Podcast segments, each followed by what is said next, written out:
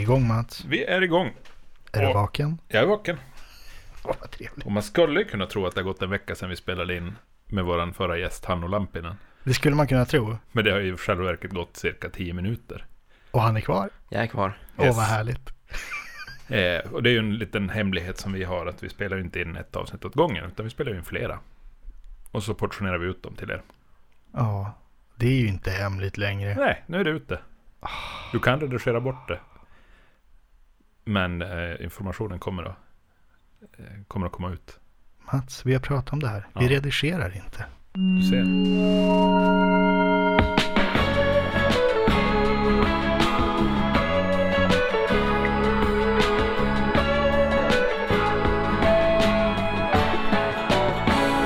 Den röda strängen. Så, då var vi igång igen. Mm. Det var trevligt. Ja, Och nu är det jag som sitter inne på en sträng. precis. Din förra sträng var ju... Just det, det var, det var den ja, precis. Just det. Nu ska jag inte av, jag, kan- jag kan ju inte avslöja den eftersom vi har Hanno här och Hanno har inte hört det avsnittet för det är inte släppt än. Nej, det är Nej, det sant. ligger i pipelinen. Det, ligger, det släpps imorgon. det. Men du har hört titeln. Från Bitburg till Stockholm. Mm. Ja, Vad får du för associationer? alltså. Det är ju Tyskland och jag menar, Thåström kanske. Ja, då var ju det förstört. Ja, tack för den. Då får vi kasta det avsnittet då. Ja, det bara... Just det. Nej, vi Ja. har Hanno Lampinen med oss idag också.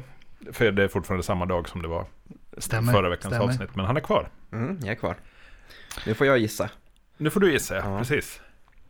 Och eh, han får gissa i den eh, röda strängen. Mm. Programmet där vi eh, hittar den gemensamma nämnaren i en rad eh, olika musikstycken. Som strängar ihop en rad olika musikstycken. Precis. Inspelat live på Lasses Hi-Fi Umeå. Utan redigering. Hör ni, vill ni bara djupdyka ut i den här strängen? Vi kör. Då gör vi det. det är, jag blev så glad när, när vi pratade inför det här avsnittet och Mats bjöd in dig. Eh, jag fick höra att det fanns en till liten jazz människa, Nisse, tomte i sällskapet. Ja, Så vi, eh, vi går ut på en sträng nu. okej. Åh,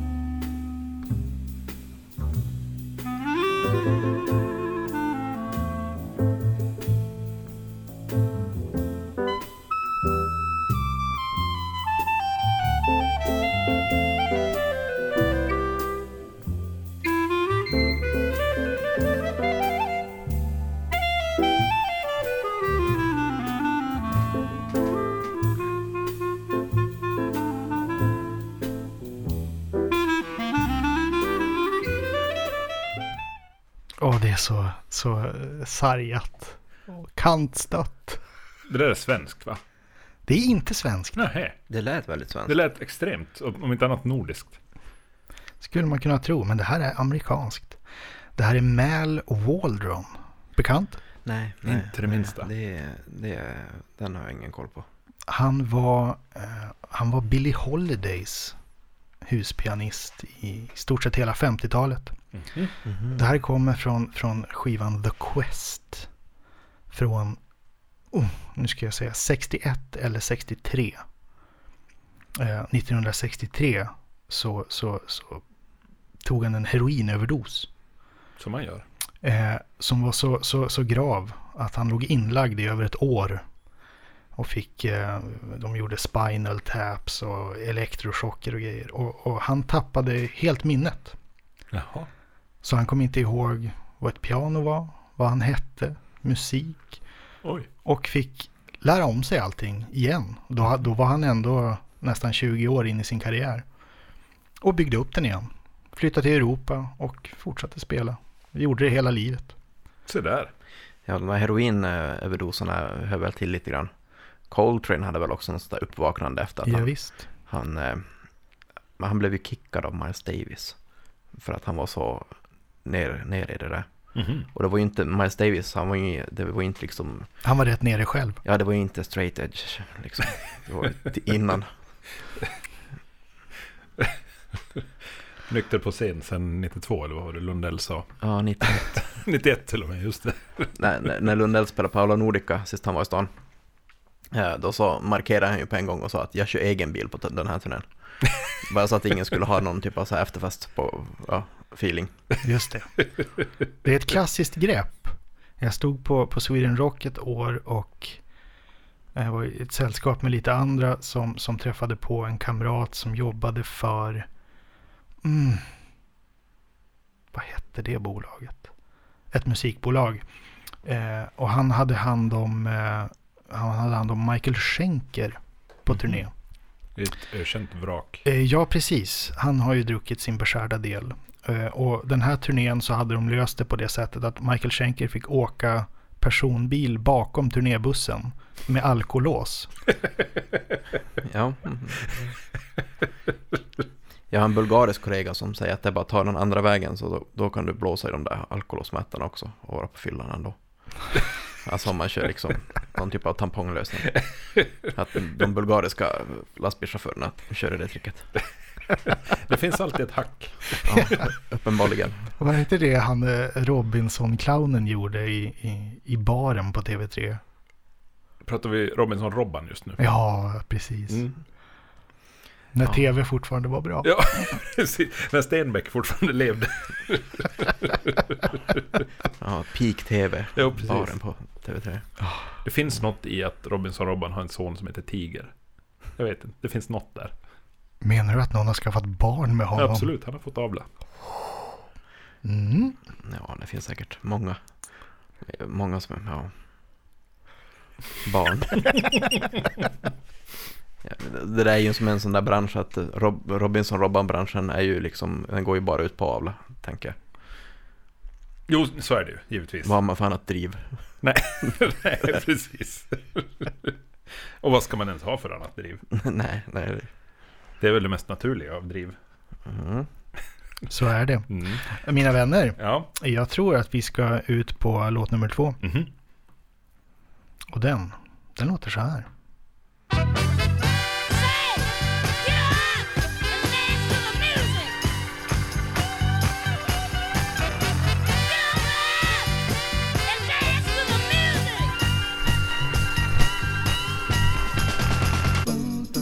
Tum, tum, tum, tum.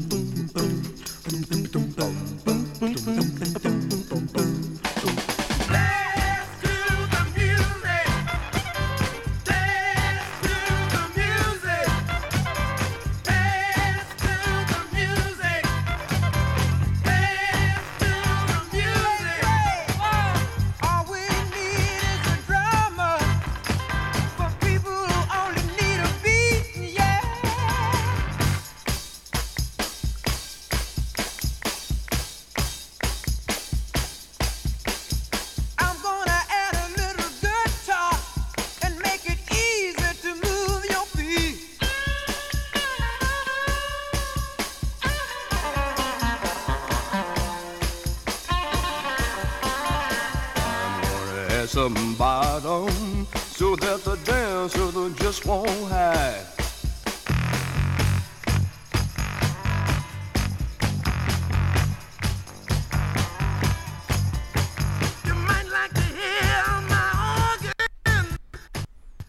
Men vad den trilskades på slutet. Mm, snygg fade. Och vi klipper ingenting. Nej, absolut inte. Ja, Dance to the Music. Mm. Sly and the Family Stone. Mhm. Det var ju bandpresentationen. Jag svängde ju, svängde ju på bra mycket mer där. Oh ja. Mm. Det här var faktiskt eh, deras första eh, riktiga listsuccé. Okej, okej. De hade gjort en skiva som totalt sjönk. Mhm. Kom ingenstans. Gör nästa skiva på skivbolagsdirektörens direktiv. Ni måste vara svängigare, ni måste vara lättare Mm. Och de gör den här låten som i stort sett ger alla ett parti. Alla bandmedlemmar. Just det. Nu är det Ja. bas, nu är det trummor, nu är det sång. Mm. Finns ju en del heroin med här också. Oh, ja, ja. definitivt. Framförallt senare, Sly. No. Ja, han gjorde ju en, en eh, surprise appearance på, eh, var det Rock'n'Roll Hall of Fame eller var det Grammys? Eh, när de, de hade en stjärnkavalkad och det origin, originalbandet Mm. som var uppe på scen och körde en massa hits. Eh, och så är eh, Steven Tyler och Joe Perry ute och kör I want to take you higher. Och, och så ropar, eh, ropar de in den gode Sly som kommer ut och sjunger fyra ord och går av scenen. Så bra. Gick av scenen och fakturerade. Ja, eller hur? Nej, nej, ja. Det var det första man hade sett honom på tio år. Så där ja. Så, så kan man också göra. När dog han? Nej, Jag är inte ens helt säker på att han är död. Är han det? Visst är Sly Stone död? Tror du det? Ja, Du kan få live-googla om du vill, men visst fasen måste han vara det. är det inte roligt att vi spekulerar? Absolut. Det känns ju som att även om han lever så har han ju dött några gånger.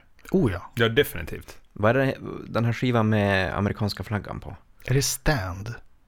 Den... Nej, det är inte Stand. Eller är det det? De är ruskigt bra de där tidiga skivorna. Ja, Ja. Det är ett jädra sväng på dem. för, för jag har några stycken, av- jag har Stand, men jag tror inte det var den med amerikanska flaggan. Men den är ju riktigt bra i alla fall. Stand också. Mm. ja. Jag kan inte min Sly riktigt. Nej, jag, jag har, det är ytterst lite Sly jag lyssnar på, men det är ju några skivor där som är riktigt bra. Mm. Oh ja. Var Bootsy Collins med där? Nej. Han var bara med i Funkadelic? Nej. Vad hette Slice? Ja men precis, det var ju det gänget. Ja, just det. Slice eh, basist. Det var ju han som, eh, som tillverkade släpen. Så att Mm. säga. Slap bass. Just det. Han heter ju Ur, ur släppen. Kramer, heter han så? Cosmo Kramer. Larry Kramer. Nej, Larry Graham hette han. Graham. Yes. Mm. Men det var Larry. Det var Larry. Det är absolut. viktigt. Ja, det är viktigt. Jag har för mig att det var så att han, han eh, spelade i kyrkan med sin mamma. Och skulle då spela bas och det hördes ju aldrig så han, han började Ja, ja. slå på strängarna. Det är ju ofta så Ja. med bra saker. Hitta på något nytt. Precis. Driv Jo, kallas det ju. jo exakt. Ja, eh, vi, ska, vi ska ta en till innan ni får börja spekulera vilt. Ja, just nu är ju spekulationen he- heroin. Ja, jag tänkte just säga det, att det är heroin. Ni, ni är så drogfrälsta båda två. Mm.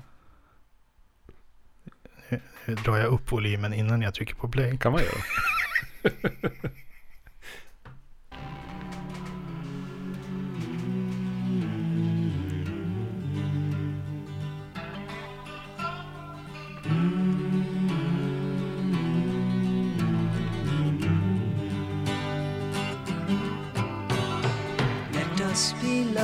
we'll marry our fortunes together. I've got some real estate here in my bag. So we bought a pack of cigarettes and Mrs. Wagner pies and walked off to look for America.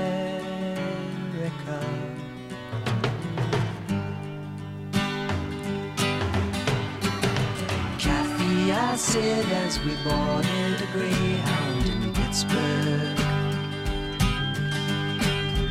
Michigan seems like a dream to me now. It took me four days to hitchhike from Saginaw. I've come to look for America. Laughing on the bus. With the faces. She said the man in the gabardine. Åh, Simon och Garfunkel. Mm, det är fint. Ja, det är så fint. Nu är heroinet borta. Ja, Oh, really? Jag tror det. Eller? ja jag, vet, jag, vet inte tusan men... eh, Har inte Garfunkel varit ute på lite äventyr? Inte heroin väl? Eller?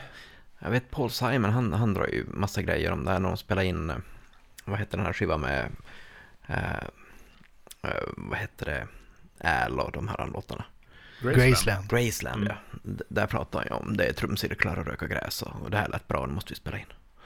Ja, det, men det känns ju väldigt mycket mera gräs än heroin. Jo, men det är ju också långt senare än det här. Det är sant. Ja, absolut. Jo. Där finns ju också en väldigt, väldigt bra dokumentär. Eh, om Simon och Garfunkel och deras producent på flera av de här 60-talsskivorna. Mhm. Där de beskriver en episod, jag tror det är Cecilia. Mm. Där de har den här enorma virveltrumman. Just det. Och de beskriver hur de spelade in i, där Tower Records låg i LA. Mhm. Med det här stora tornet. Just det. Eh, och de, vid den här tiden så var de den toppsäljande artisten. Så de fick ju göra precis vad de ville. Mm. Eh, så de var ute i byggnaden och, och klappade händer och försökte hitta spännande akustik. Och innebar det att det satt folk och jobbade där så fick de snällt gå därifrån. Men då, då var det, de, de hade upptäckt att om de, om de satte upp trum, trummorna i eh, stora entrén, precis vid hissarna, så fick de reflektioner från liksom tre korridorer. Och det var Ja, världens maffigaste akustik. Eh, så de började spela där och den här trummisen han står ju bara och drämmer. Det var säkert Hal Blaine tror jag. Eh, Wrecking Crew, trummisen. Eh, och mitt i tagningen så säger det pling! Och så öppnas hissdörrarna och där står en vettskrämd sån här gammal hissoperatör i, i fin piccolo-kostym. Vad är det som händer? Ja, Det är rock, sött. rock'n'rollen Ja, det, det är ju sött. Och det, det mesta kring Simon Garfunkel är ju som sött. Det är ju inte några Axl Rose utbrott det är tal om här. Nej, det är det inte. Men de gjorde förbannat fina saker. Ja, men det gjorde de. Absolut. Mm. Och nu har han pensionerat sig, Paul Simon. Har han det? Han gjorde Han sina... sålde väl sin katalog? Kanske till och med det. Jag tror att han, han gjorde en, eh, en eh, Bob Dylan och Just det. sålde rättigheterna. Ja, Lite märkligt det där. som om han behövde pengarna, höll jag på att säga. Ja, det är många som gör det ju också. inte. Det kan ju vara stora hål i plånböckerna ändå. Mm. Jo, absolut. Man kan ju ha dragit på sig vanor som kostar pengar. Förstås. Men Eh. kan det inte också vara så att, att många av de här som gjorde sin karriär i en tid då, då man tjänade pengar på att sälja skivor Mm. eh, nu tittar på, på liksom arvet, de börjar vara på ålderns höst. Mm. Jag finns inte så länge till. Kommer mina barn att få någonting av det här? Eller ska jag casha ut nu och så får de dela på 300 miljoner? Men Ja, sen, det finns bara någon sån här copyright-grej också. Eh, att mycket, mycket grejer, det börjar bli så pass lång tid sedan 60-talet. Ja, men just ja, efter 70 år, då är det ju... Fast Det är den något där sånt där. förlängs ju nästan alltid. Ja, så kanske. Eftersom vi lever. Från början var den ju 20 år. Jaså? Men den har ju förlängts successivt eftersom folk lever längre och det finns arv och det finns... Det är mycket Mm. mer pengar i omlopp. Så just nu är den väl 70 år, men jag tror att den... Den kommer nog förlängas till 80, Just det. helt enkelt. Men jag tänkte just med Dylan tror jag det var någon sån grej att de nöjde över det där att Dylans tidigaste skivor att det skulle som bli allmän egendom. Jo, Mm. public domain. Som om inte allting på internet är det ändå. Nej, nej, precis. Men jag tror att Paul Simon gjorde avskedskonserter på i New York, Han gjorde det. typ förra året. Ja, men han är ju till, till åldern kommen. Och jättekort. Ja, stackarn. Det är stackarn ska vi inte säga. Väl, Nej, det har gått bra för honom. han har ju levt ett långt liv som kort. Jag, jag har alltid haft svårt att bestämma mig om jag tycker att han är sympatisk eller inte. För jag tycker han är så bra på att visa två olika sidor. När är han någonsin osympatisk? Nej, men- nej, men det har förekommit liksom intervjuer och grejer när han har verkat ganska så här bossig och kontrollerande. Och det var väl Garfunkels stora beef. Att Jaha. han aldrig fick bestämma någonting. Ja, det, känns, ju- det känns ju som att det är Paul som bestämde. Jo, det är Ja. klart det var Paul som bestämde. Det finns ju en historia om när Art Garfunkel skulle göra ett gig i Sverige. Mhm. Eh, på någon... Det känns som att det var typ en bygdegård i Karlskoga, men det var det ju inte. Men, men något liknande. Och han var ju lite, han var ju skör i psyket, den gode Art. Mm. Eh, och han, inför gigget så rymde han genom ett badrumsfönster och bara stack. Se Jag där. klarar inte av det. Det är bara så. Ja, Trist. R. R. Kelly gjorde ju en sån där grej. Fast, fast eh, Det var kanske det Lämnade ett spår av urin efter sig. ja, han mitt, mitt i någon... han gjorde ju en stor turné med Jay-Z. De gjorde en skiva ihop. Mhm. Eh, och jag fyllde ju allt de ville fylla på den här Ja. turnén. Och så mitt i någon låt, då hoppar ju han av scenen och så springer han bort till ljudtekniken och sparkar till ljudtekniken.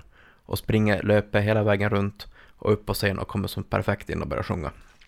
Han var ju förbannad på ljudtekniken av någon anledning. Givetvis. Eh, och sådär. Men ljudtekniken fixade som inte till det där, vad det nu var. Så att han till slut släpper han bara micken och så drar han. Och ja, men de fick ju som i princip avbryta konserten och skicka ut allihopa på att leta reda på R. Kelly.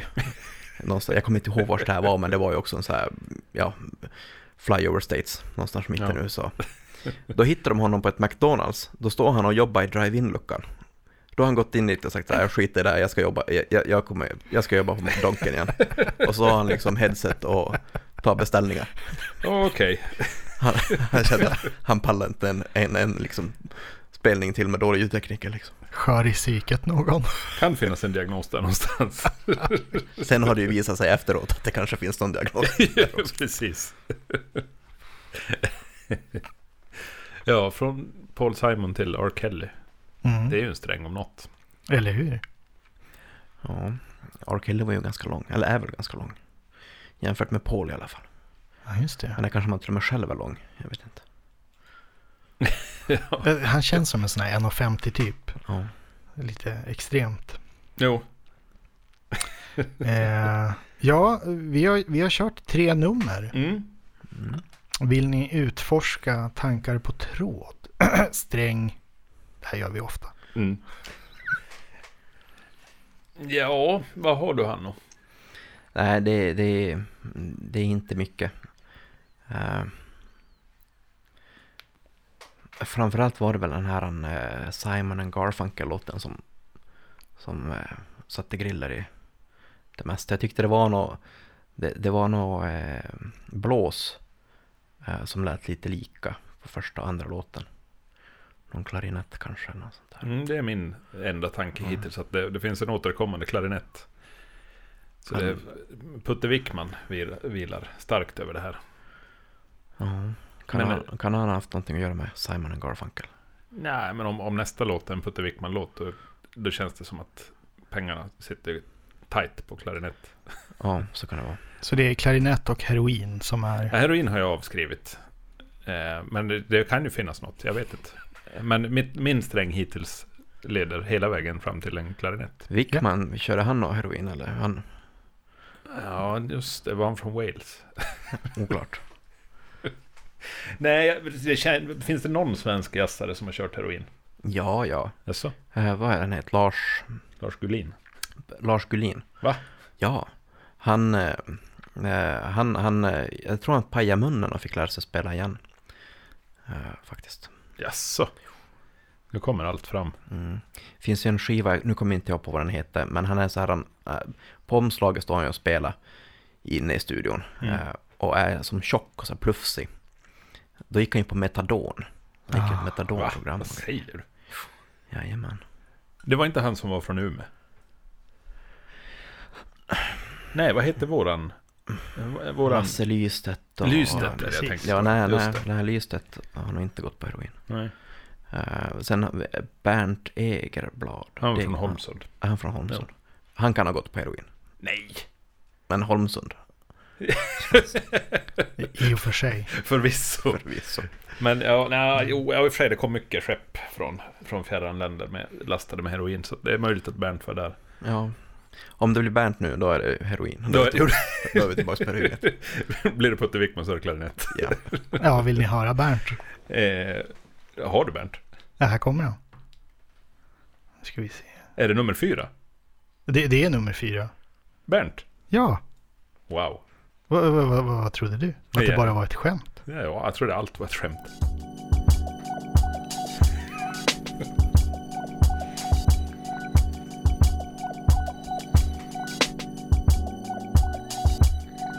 What money got to do with it? When I don't know the full definition of a rap image. I'm trapped inside the ghetto and I ain't proud to admit it. Institutional lies, I keep running back for a visit. Hold up. Get it back. Said I'm trapped inside the ghetto and I ain't proud to admit it. Institutional lies, I could still kill me a nigga, so what? If I was the president, I'd pay my mom was rent, free my homies and them. Bulletproof my Chevy doors, lay in the White House and get high, Lord. Whoever thought, Massa, take the chains off me.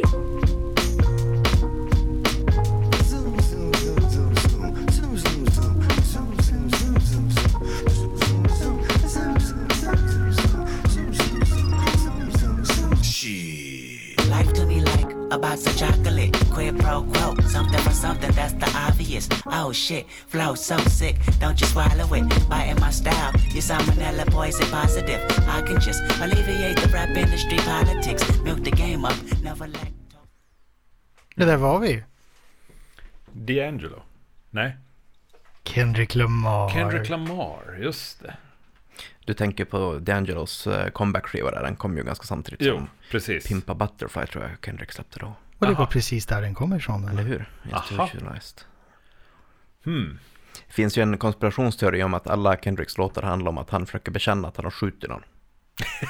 Really? Ja, det finns, det finns en podcast som heter Dissect. Där en eh, kille går riktigt djupt ner i eh, låtar och låttexter. Och inte bara Kendricks grejer, men, men det är de jag har hört det. Och det här är ju det som är så fint med podcasts. jo, precis. Riktigt nördiga podcasts. Ja, det, det Åh, är vad nog, härligt det är. det, det, den är riktigt nördig. Den.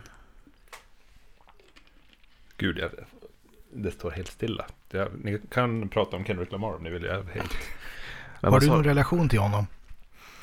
Eh, alltså, ja, de två första skivorna, de har jag på i samlingen. I fysiska exemplar. På minidisk. Minis, nej, nej. På vinyl. På vinyl. På vinyl. Eh, nej, men han är ju bra. Alltså, han är ju... eh, man märker ju att han... eh, han har ju som tänkt till några gånger. Före han går in och kör. Mm. Har väl kanske inte lyssnat jättemycket på Kendrick på slutet utan mest i hiphopvägar så har det blivit så här Memphis crunk. De, de är inte, de, det är inte lika många nivåer i texter och historier där utan det är mer rakt, Just det. rakt på. Det är lite mer ösigt. Ja, det, det, det, ja, Kendrick är ju som sagt, man kan ju få ut vad man vill ur hans texter. Att de är ju, Mm. ja, men han är, det är ju fruktansvärt bra. Ja, Det han har vart väl ju- blivit det- väldigt hyllad. Ja, sen det var ju väl lite skandal där när han eh, slog väl igenom samtidigt som den här killen Macklemore. Mm. Men så fick ju Macklemore fick ju grammisar och grejer. Så att jag tror till och med Macklemore sa det liksom att ja, det här är egentligen Kendricks grammis. Jaha. Eh, ja. En omvänd Kanye West. ja, precis. En ödmjuk version av... Ja. Just det. Och Macklemore var vit. Det var väl ett problem. Eller, eller... ja, sen eh, det var ju även, eh, han, han är ju lite av ett offer av den här op, opiatsepidemin de har där. Jaha, Mm. okej. Mm. Just det. Mm. Mhm. Nej, så spännande. Nu, alltså, den här Kendrick-skivan har ju eh, mycket blås. Eh, och det är mycket fria samplingar. Och, eller, om det, jag vet inte om det är kanske inspelat live. Men, Mm. Så det kan ju fortfarande vara någon typ av klarinett. Ja, det här blåsspåret är ju... Det är det enda jag har. Verkligen. Mm. Och heroin. Eh, Mindre, men absolut. Jag, jag sitter ja. fortfarande och tänker på att, eh, på, på att Lars Gullin rimmar på heroin. Ja. Vackert på något Ja, vis. absolut. Eh, Innan vi glömmer förresten, nu är vi fyra låtar in. Eh, Så har vi ju vi har pratat om att ha ett, ett mellansegment. Ja, det har vi. Och vi pratade ju faktiskt om att ge varann hemläxa. Mm. I någon form som ska avrapporteras. Eh, och eftersom det är jag som håller i trådarna just nu, då tycker jag ju att det är du som ska stå för en uppgift. Ja. Och jag har en uppgift till dig. Har du det? Ja. Eh, kommer du ihåg att vi pratade lite grann om bandet Magnum? Ja. Då vill jag att du ska göra en liten... Vigilante. Du ska lyssna på Vigilante. Är det så? Eller nej, inte bara. Du ska göra en liten... Skanna av Magnum-universat. Ja. Och så gör du kom en liten rapport. Jag tänker så här. Då, då, ska jag, då ska jag skanna av Magnum. Mm. Och sen tar jag med mig tar jag med mig några exempel Ja. av vad jag gillar och vad jag inte gillar. Precis. En kort analys Kul. Av, av bandet Magnum. Kul! Det, nu kan det ju vara så att vi spelar in ett avsnitt till efter det här. Så att din, eh, din redovisning kommer ju kanske längre fram. Ja, ja, jag tänker att min... Ja, just det. Eh, jo, men vi gör så här. Nu är konceptet befäst. Eh, nästa avsnitt är det ju du som håller i tråden. Mm. Strängen. och då, eh, då ger jag dig en uppgift. Ja, Och sen är bollen igång. För då, då, då får man redovisa svar och få en ny uppgift smart. i samma avsnitt. Då har vi det där. Spännande. Bra. Vad känner du för Magnum, Hanna? Alltså, jag har ju inte lyssnat jättemycket på Magnum. Men du är från Haparanda och kan Jag befästa ju- att Magnum var stort. Ja, jag, jag är ju eh, ganska mycket yngre än Mats eh, Det ser man ju på oss kanske också. Absolut. Men, eh, men eh, nej, Magnum är, det är, det är ett svart hål för mig. Jag Inte bara mig, för många, men, men även för mig. Jag har grävt lite i det här. Ja. I varför Magnum var stora. Och frågat min storebror om det här. Eh, och han sa att det var vargen som tog Magnum till Haparanda. vargen var en, eh, en missbrukspersonlighet i Haparanda. Då är vi tillbaka på heroinspåret igen. Exakt. Ja. Mhm. Så att, eh, men det var vargen i alla fall. Så du får, du får researcha vargen när du Ja. kommer hem. Ja. De kallar oss vargen. Exakt. och sen, vi växte upp på helt olika sidor om, om eh, stadskärnan. Så att i din- Järnvägen. Exakt. på din sida om järnvägen var det något annat som var stort. Ja, alltså, det, va, vad var det? Ja. Nej, Magnum, Magnum figurerade inte så mycket, utan det var mer eh, Manowar och, eh, och sånt tror jag som spelades. Just det. Men det är med, Manowar var ett globalt fenomen. Du menar att Magnum inte, de, de nådde inte lika långt som Manowar? Nej. Nej, Magnum var ju, det var ju en acquired taste. Ja, men både, både Manowar Och och... det är inte Manowar. Men, men, men det, det som var också med Manowar, eh, samma som med Pantera, bra videos. Mm. Det var, ju, det var ju, för, för det här var ju ändå, jag är ju ändå så pass ung att folk hade ju DVD-spelare och internet och grejer. Mm. Eh, Så, så det var ju de här Pantera-videosarna och, och Manowar-videosarna som gick. Men Pantera, Pantera-virusarna såg man ju på VHS. Ja, inte jag, jag såg dem på DVD. du är för ung. Jag hade Watch It Go på VHS. Visst är det lite så här föregångaren till Jackass? Ja, det måste det ju vara. Ja, precis. Tour Antics. Mm. Drick tabasco, kräks och ja, gör sånt som man gör. Men jag tror det finns någon koppling där. Jo, absolut. Pantera, där, där har vi ett. Känner ni? Luktar temaavsnitt igen. Groove metal, det, det blir tema. Nu är det för mycket Haparanda i rummet. Säger alla. eh, nej, men du kan få stränga vidare. Ja, det ska vi definitivt göra. Usch, nu måste jag rensa paletten. Men det finns faktiskt en koppling eh, mellan Manowar och nästa nummer. Oj.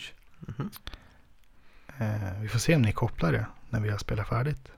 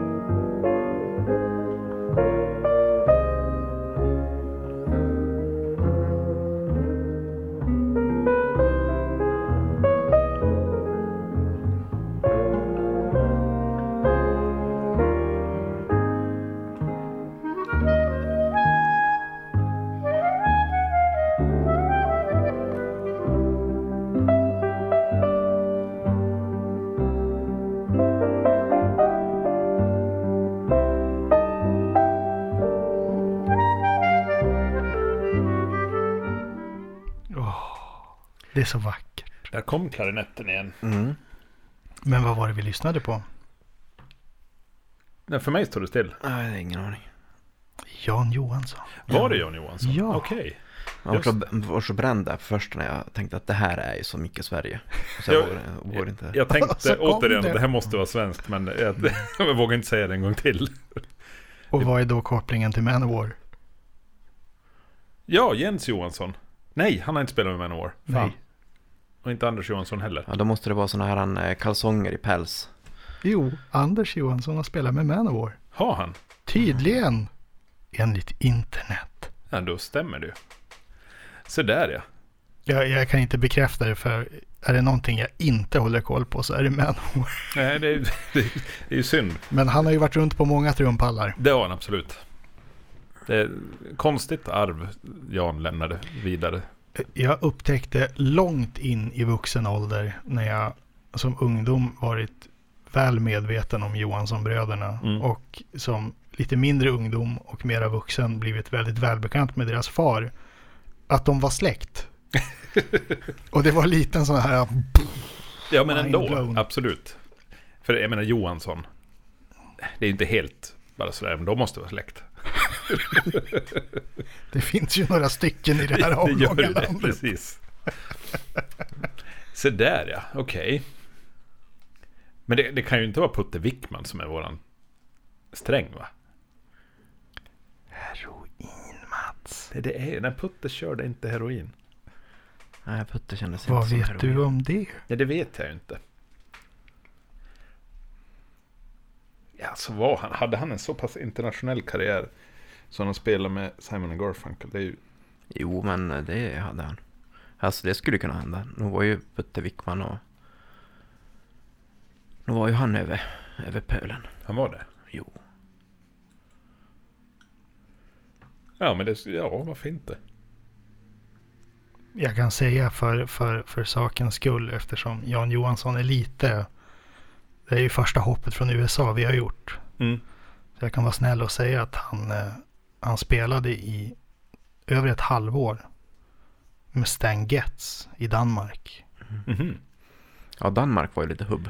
Det var det. Jo, precis. Mycket heroin. Då, då spelade han bara med eh, amerikaner. Mhm.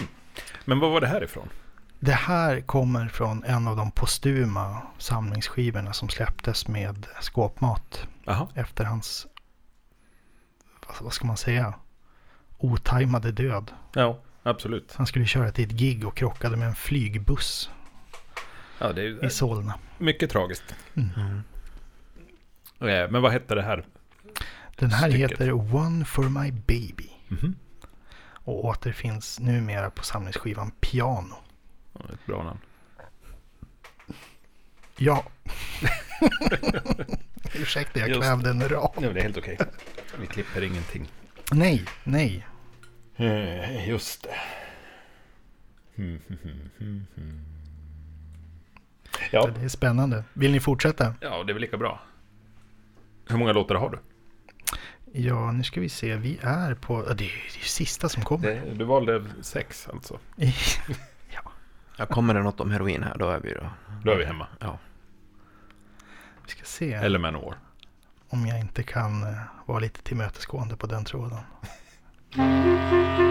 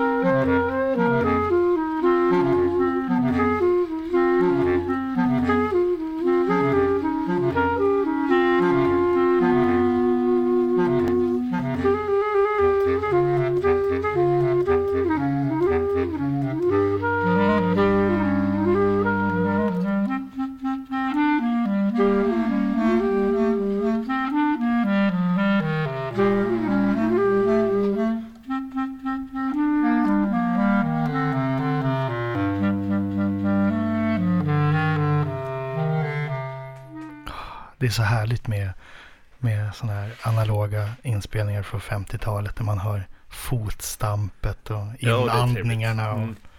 och det är så nära. Mm. Vackert. Mm. Vad hörde vi nu då? Det här var Jimmy Guffrey Mm. från 1953. Featuring Putte Wickman. Han var inte själv i rummet, så mycket kan jag säga. Nej. Det här var The Sheep Herder. Aha. Mhm. Ja, men det är ju klarinetten där. Klarinetten är ju definitivt, men att, att säga att den strängen är klarinett är ju alldeles för enkelt. Ja. Jag Eh. på, Kan du någon annan klarinettist? men det känns ju som att eh, svenska klarinettkillar är Putte. Ja, men måste du vara svenska? Nej, det kanske inte behöver vara. Eh, världen är ju, är ju Mm. tillgänglig. Och sen är det som nästan så att väldigt många saxofonister har ju kört på på en klarinett någon gång liksom. Är det något sånt dumt att du har... Det är ju faktiskt sant. Det har varit en hel del byten hit och dit. Mhm. Det hörde vi i, i första spåret här med Mal Waldron. Där, eh, åh nu ska vi köra tillbaka här och titta. Det är ju Eric Dolphy som normalt är saxofonist. Mm. Det var därför det pep och skrek lite hit och dit för han hade precis plockat upp den. Ja, och sen Dolph, också bidrar gjorde ju, karaktär. Ja. Dolphy gjorde ju konst av och pip och skrik också. Oh, ja. Men då har du alltså avslöjat att det inte var Putte Wickman som spelade på första spåret. Det var fler musiker än så på den skivan. Jo, men det, kan inte, det har inte funnits plats för fler än en klarinett. Och det kan inte vara Dolphy då. Kan det vara Dolphy? Det känns ju bättre att Kendrick Lamar skulle ha samplat Dolphy. För det är lite mera credit än att sampla Putte Wickman. Fast samtidigt så är ju Kendrick Lamar en sån här kille som skulle kunna göra det credit och sampla Putte Wickman. Förvisso. Men Dolphy är ju också från Los Angeles, så jag vet inte om det finns en sån koppling. Visst var han det? Ja, Men han det- var det är definitivt oklart, västkust. Ja, men han vart ju sen vart han, han vart upplockad av Sun Ra. Just det, då blir det Som, konstigt. som, nej, vänta, hur var, jo, men det, jo, han var, det, det finns någon koppling där. Sen så, ja.